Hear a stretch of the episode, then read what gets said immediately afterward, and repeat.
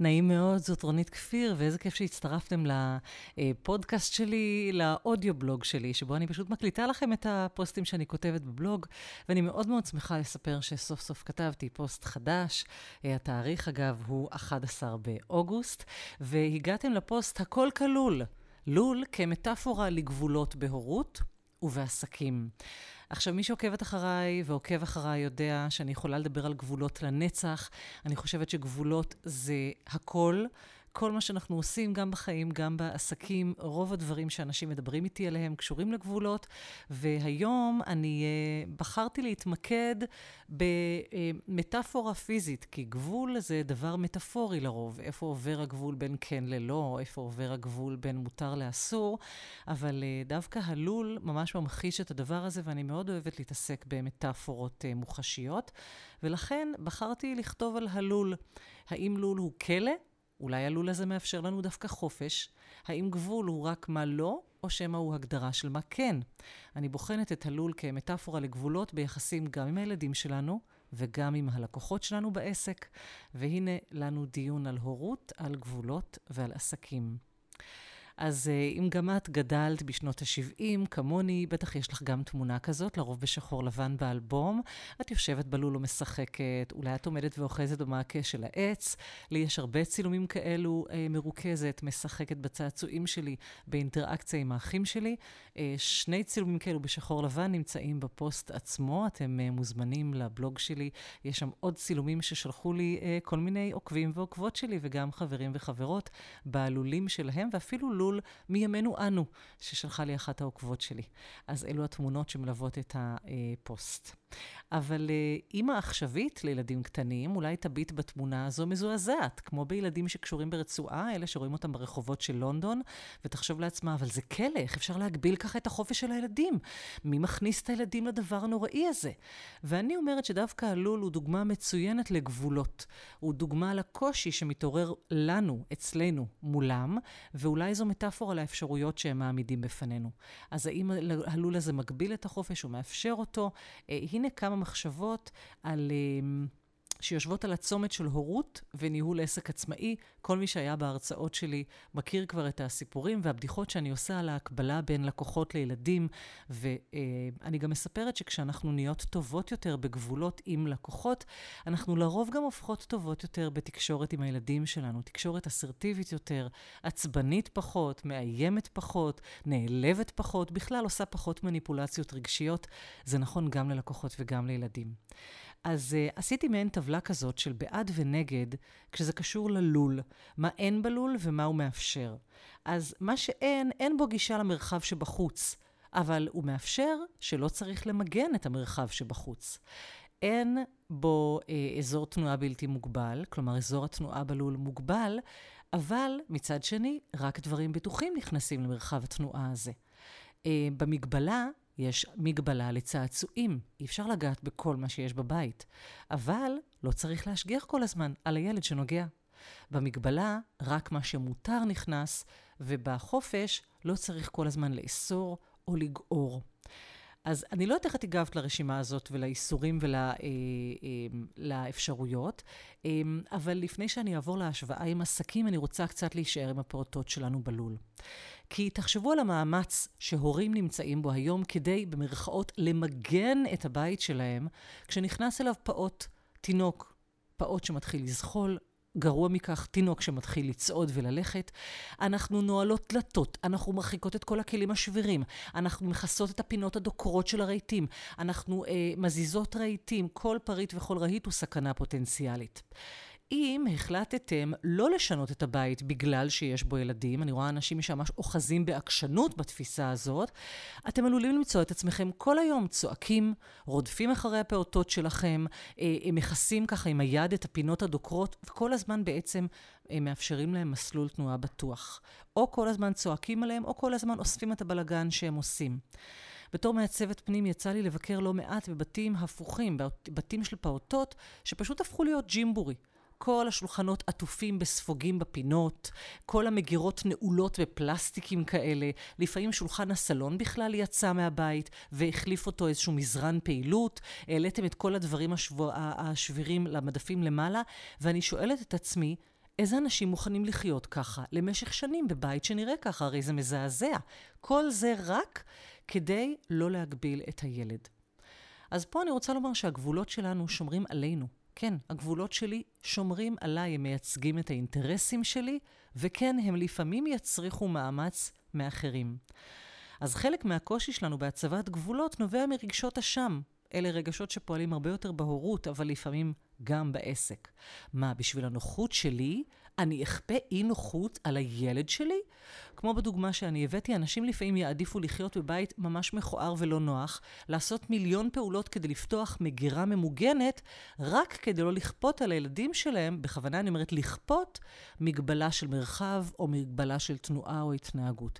ואני אומרת, עד כאן, בואו נשחרר את ההורים. אבל לפני זה, בואו רגע נביט באי הנוחות הזאת. בואו נבין אותה. יכול להיות שנגלה שהיא דווקא כן נוחה, גם לילדים. אני חושבת שהתגובות שלנו ללול קשורות גם לתפיסה המשתנה של ילדות ושל הורות. אנחנו היום בעידן שבו הילדים הם המרכז, וזה רק טבעי שההורים ישנו את כל הבית ואת כל החיים שלהם כדי להתאים אותם לילד ולעשות לו את החיים קלים. דווקא הלול בעיניי היה פיצוח מעולה של שנות ה-70, שאפשר להורים להתאים את המרחב של הילד למרחב של הבית. הנה תחום שבתוכו מותר לך לעשות הכל. אז בואו ננסה רגע, תרגיל באמפתיה, וזה טוב תמיד לעסקים, וזה גם טוב להורות. בואו נדמיין רגע את הדברים מנקודת מבטו של הפעוט שנמצא בלול.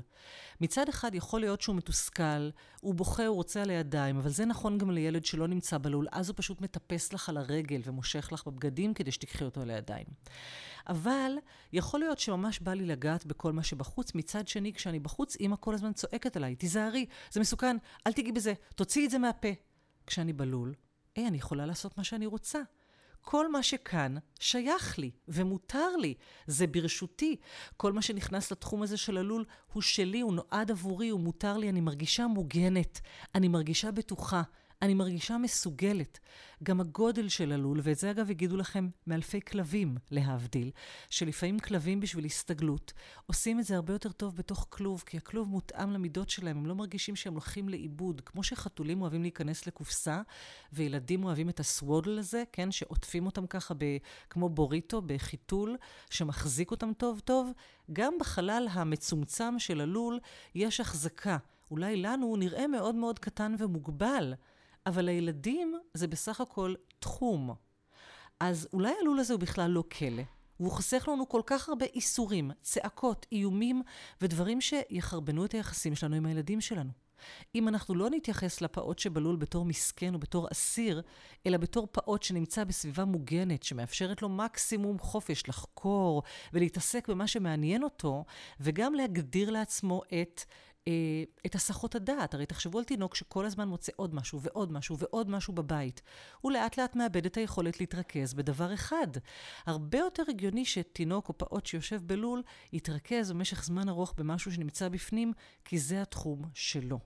אז סביר להניח שכשאנחנו נתייחס לזה, כך גם הפעוט יתייחס לזה.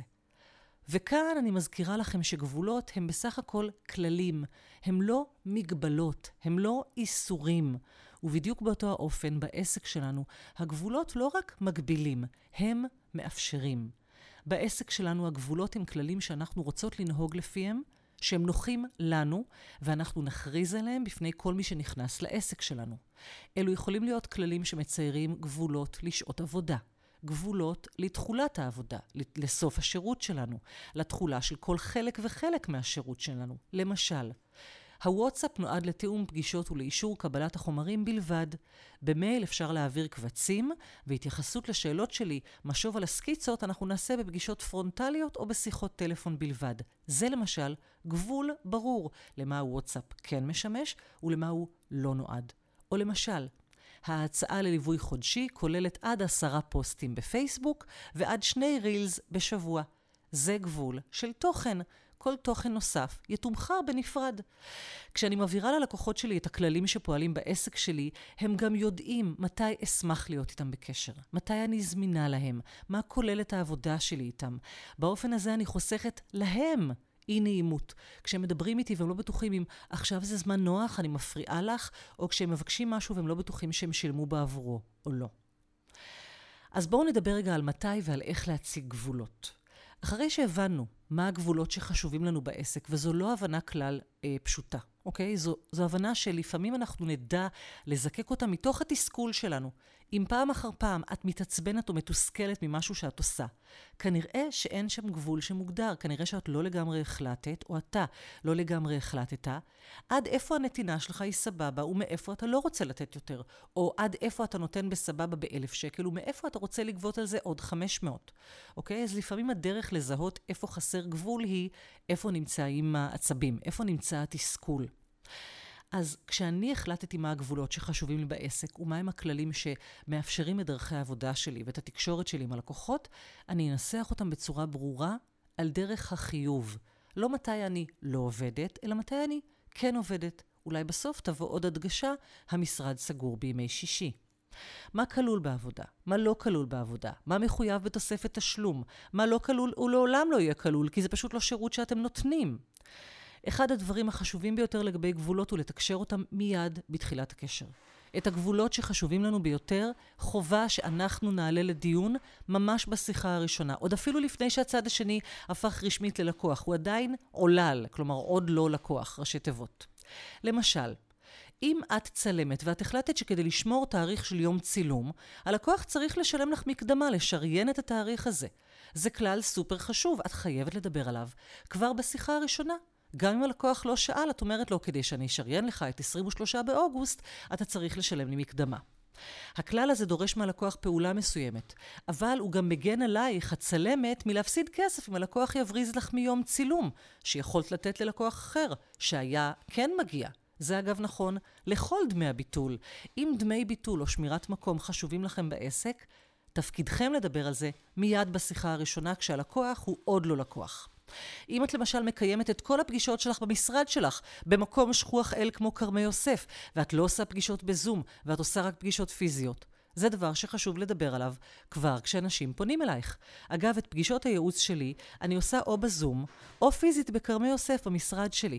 בהתחלה מאוד חששתי מזה שכשאני אומר את זה, אנשים יגידו לי לא ולא יבואו. אבל כשהתחלתי להגיד את זה בלי התנצלות ובלי ככה היסוס, בואנה, זה הפתיע אותי שכולם פשוט אמרו לי כן. התחלתי לשלוח להם מיד את הלינק ל-Waze, כלומר לתת להם את הדרך הקלה ביותר להגיע אליי, וראו זה פלא, כולם מגיעים, הם גם מאוד מאוד נהנים בדרך אה, לכאן ובדרך חזור, הם בדרך כלל מודים לי על זה, כי הדרך לכאן כל כך יפה, שהיא נותנת איזה זמן ככה להרהר בכל מה שעלה בפגישת הייעוץ. אז עוד דבר חשוב זה לא לחכות שהעולל ישאל, אלא להעלות את הנושא בעצמך. זה הסימן לכך שזה חשוב לך, אוקיי? אם יש לך ילד שרגיש ללקטוז, או לגלוטן, או בוטנים, זה לא דבר שאת תשכחי לספר למדריך שיוצא איתו לטיול. זה לא דבר שאת תשכחי להגיד למלצרית כשהיא מגיעה. זה חשוב, לכן תדברי על זה מיד בהתחלה. בדיוק באותו האופן, חשוב שנציין כללים עקרוניים וחשובים מיד בתחילת הקשר. גם כדי להראות שהם חשובים לך, וגם כדי לאפשר לצד השני, לעולל, לעוד לא לקוח, לשקול אם זה מתאים לו. וכן, אפשר ורצוי לנהל משא ומתן על כללים ועל גבולות. משא ומתן זה לא רק על מחיר ועל כסף, אוקיי? משא ומתן זה נושא אגב לשיעור אחר. זה שיעור 6 בקורס תעשי למחיר. אבל אם אני אגיד שהמשרד סגור בימי שישי, ולקוח שלי ממש ממש רוצה לעבוד איתי אבל חייב את ימי שישי, יכול להיות שהוא ישאל אותי, מה אני אענה לו? זו כבר החלטה שלי.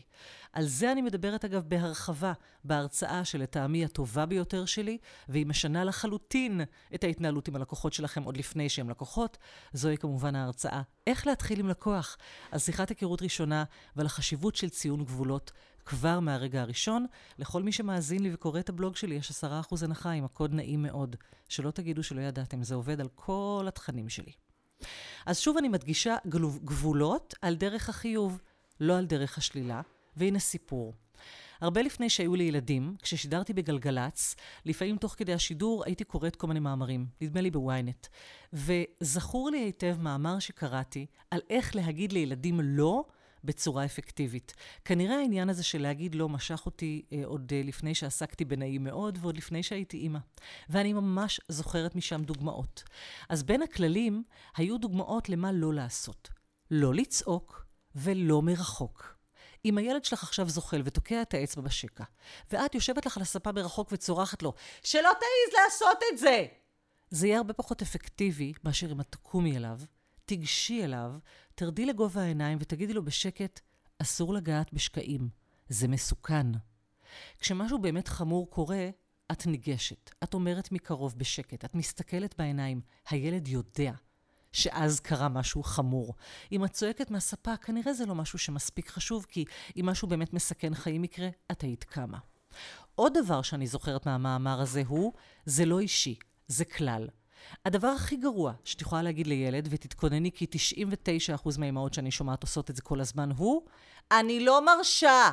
אני לא מרשה, אימא לא מרשה, אלה שמדברות עליהם בגוף שלישי. כשאת לא מרשה, מיד זה הופך להיות מאבק בין הרצון שלך לרצון של הילד שלך. במקום לשים את הפוקוס על כלל חשוב, על אקסיומה, משהו שמגן עליו בעולם, את בעצם מפנה את הפוקוס ליחסים ביניכם. כשאת אומרת אני לא מרשה, זה הופך להיות אני ואתה. ורסיה עוד יותר גרועה אפילו מזה, זה אימא כועסת. בעיניי אין דבר יותר גרוע מלהתנות התנהגות של ילד באהבה או ברגשות שלך בכלל, זאת מניפולציה רגשית. כולנו עושות אותה אה, לפעמים אה, לא מכוונה רעה, אבל התוצאות שלה יכולות להיות הרות אסון. אני מציעה לקרוא את הספר הדרמה של הילד המחונן, של אליס מילר, כדי לקבל הסבר ארוך ומדכא מאוד על הדבר הזה. אבל כשאת אומרת, אני לא מרשה, אמא לא מרשה, הוא חושב לעצמו, אמא לא מרשה, אני אתווכח עם אמא, אני אעשה דווקא. הנה, מצאתי מה לעשות כדי לחרפן את אמא. אני כל כך חזק, הילד אומר לעצמו, תראו, פעולה אחת קטנה שלי, אני רק עושה ככה עם האצבע בשקע, ותראו, אמא מאבדת את זה לגמרי, מתחילה לצרוח. כשילד מבין כלל לעומת זאת, וכן, ייקח להם קצת זמן ללמוד, אם את תהיי עקבית פעמיים או שלוש, זה מספיק.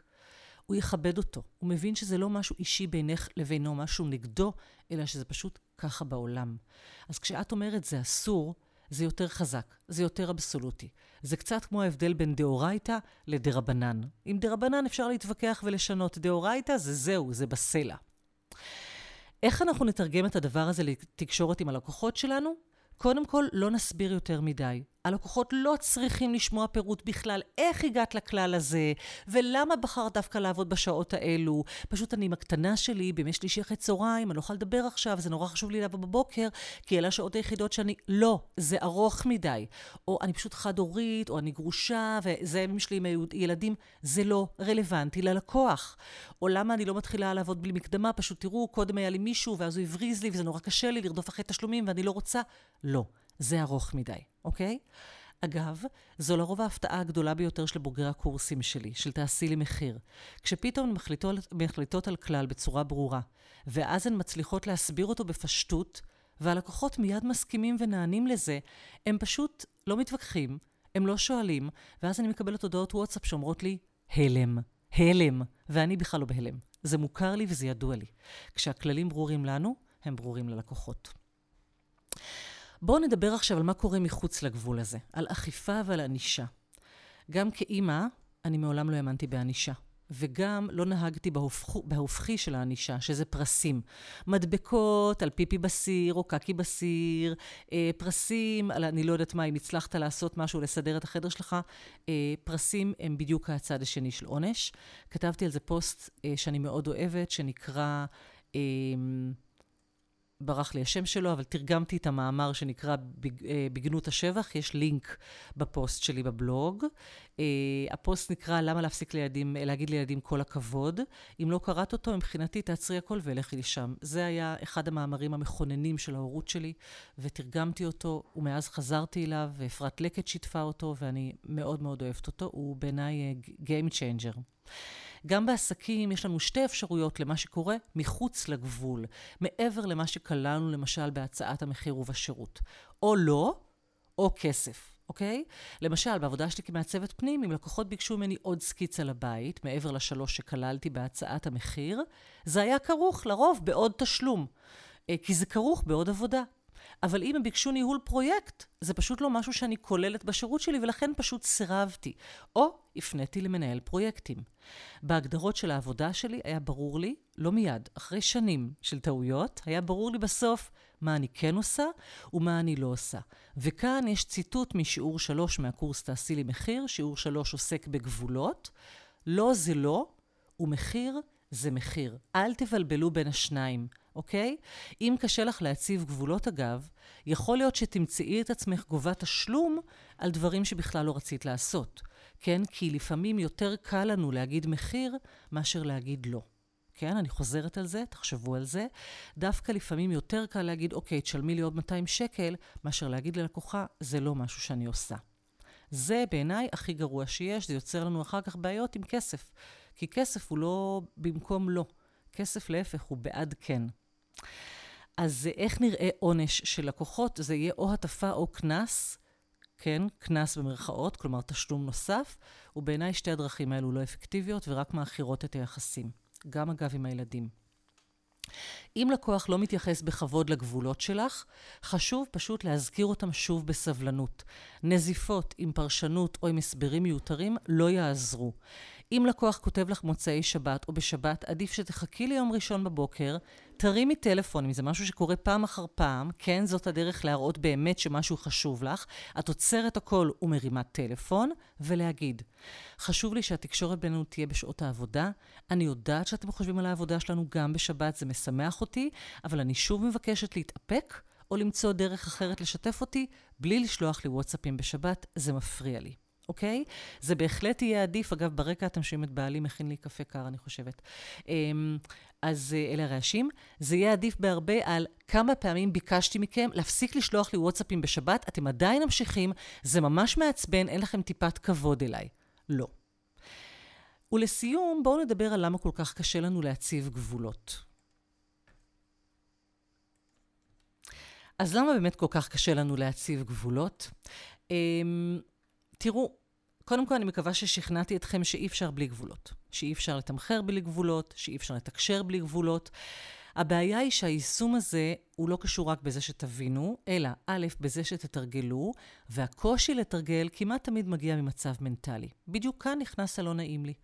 כשלא נעים לי להציב גבולות, זה בדרך כלל חוזר למקום בו לא נעים לי לשים את הצרכים שלי לפני הצרכים של אנשים אחרים. לשים את הנוחות שלי על פני הנוחות של הזולת. להעדיף את הרצונות שלי על פני הרצונות של אחרים. אולי את מרגישה שכשאת קובעת כלל, את בעצם כופה את הרצון שלך על הלקוחות שלך. אז אני כאן שוב כדי להזכיר לך שאנחנו לא כופות כלום על אף אחד. הלקוחות שלנו, ממש כמונו, הם אנשים מבוגרים שמסוגלים לקבל החלטה. כמו שלקוח מסוגל לקבל החלטה כשהוא קרא את התפריט המסעדה וראה את המחירים, האם הוא נכנס או לא, וברגע שהוא נכנס הוא קיבל על עצמו את המחירים בתפריט. אם כלל מסוים לא מתאים ללקוחות שלנו, הם יכולים או לבחור לעבוד עם מישהו אחר, או לבחור לומר לנו את זה ולבקש מאיתנו לשנות את הכלל, וזכותנו כמובן לסרב. אגב, המון פעמים זה קרה לי שלקוחות ביקשו ממני משהו, ואמרתי להם, לא, זה כלל שמאוד חשוב לי, וככה אני עובדת. ואז הם אמרו לי, אוקיי, אין בעיה, אנחנו אה, לא, לא ניפגש בימי שישי. המון לקוחות התחננו שאני אעבוד איתם בימי שישי. הם היו אומרים, אולי רק פעם בחודש תפגשי אותנו. אה, אני, אילו הייתי נפגשת עם כל זוג לקוחות שלי רק פעם בחודש בימי שישי, הנה, הלכו לי כל ימי המנוחה. לעומת זאת, כשכן עבדתי עם זוג לקוחות סופר עסוק, שגר לא רחוק ממני, כן הייתי מגיעה לפעמים בימי שישי לפגוש אותם ואת הקבלן ולראות איך העבודה מתקדמת לפנים משורת הדין. זו הייתה החלטה שלי. הם לגמרי היו מודעים לבונוס הזה שהם קיבלו והם העריכו אותו. כלומר, זה שאני יצרתי את הגבולות לא אומר שאסור לי לעבור עליהם, אבל אני לא אעבור עליהם כל הזמן, אחרת אני מדגימה ללקוחות שלי איך לזלזל בגבולות שלי, אוקיי? אז אם את מציבה גבול אבל את לא מסבירה אותו בפשטות ואת לא אוכפת אותו בעצמך, אל תתפלאי שלקוחות שלך יעברו אליו גם. ואם ממש ממש קשה לך לשים את עצמך קודם, אני אומרת לכם, לך, יש מעט דברים שנראים לי יותר חשובים מזה בשביל לטפל בהם. הייתי עוצרת הכל, מחפשת מאמנת או מאמן טובים, או מחפשת מטפלת או פסיכולוגית, ומסתערת על זה בנחישות ובסבלנות. קשה מאוד לנהל עסק, ועוד יותר קשה לחיות את החיים שלכם, כשהפעולות מחושבות לפי ריצוי של אחרים, לפי הימנעות מקונפליקטים או פחד לאכזב אחרים, וויתור מתמיד על דברים שחשובים לך, וויתור על הגבולות שלך. אמ, זה דבר שאי אפשר לתקן בשעה, או בפוסט שתקשיבי לו או תקראי, אבל מאוד מאוד חשוב לשים לב אליו. אז מה שאני כן יכולה לעשות זה להציע כמה שאלות, שתשאלו את עצמכם. שימו לב באיזה מקום למשל את מרגישה תסכול. אלו המקומות שבהם בדרך כלל נדרשים גבולות. מתי את מתעצבנת? המילה חצוף, למשל, בדרך כלל מעידה על לקוח שעבר גבול אולי לא מספיק ברור בשבילך או בשבילו. תשאלי את עצמך אילו גבולות היית רוצה להציב. חשבי על כלל אחד שהיית רוצה ליישם בעסק שלך, לא על הכל, רק על אחד קטן. תחשבי על הגבול שאת יודעת שאת רוצה, ואת יודעת את זה, אבל את נמנעת מלהציב אותו. תנסי לענות על השאלה, מה מפחיד אותך? מה מלחיץ אותך כשאת חושבת להציג את הכלל הזה ללקוח? תחשבי על גבול שהצלחת להציב, להציג, או להציב, וליישם. ואז תנסי לשאול את עצמך מה הייתה התגובה של הלקוחות בעצם לכלל הזה. יכול להיות שתגלי שהתגובה הייתה הרבה פחות גרועה מהחששות שלך. אולי השאלות האלה יעזרו לך להבין שכשגבול לא ברור לנו, ואנחנו מציגות אותו, סליחה, כשגבול הוא כן ברור לנו, ואנחנו מציגות אותו בלי לעשות מזה דרמה, כמו שבעל חנות בפורטוגל סוגר לך מול הפרצוף את הדלת בשעה שתיים, ואת יודעת שזהו, לא יעזור שום דבר, שום תחנונים, הוא הולך עכשיו לשנץ שלו, הוא הולך לסיאסטה. את רוצה, את תחכי לארבע, החנות תיפתח שוב. זהו, אין כאן דרמה. וכשאת תצליחי, הלקוחות מיד מצייתים לגבול הזה, בדיוק כמו שאת מבינה שמדרכה נועדה להולכי רגל ושהכביש נועד למכוניות. אז הנה כמה נקודות לסיכום. גבולות אינם לא. גבולות הם כללים שמאפשרים לך עבודה נוחה. אנחנו רוצות לעבוד בנוחות, נכון? אנחנו רוצות שיהיה לנו כיף. לא צריך לתקשר גבולות בכעס או באגרסיביות.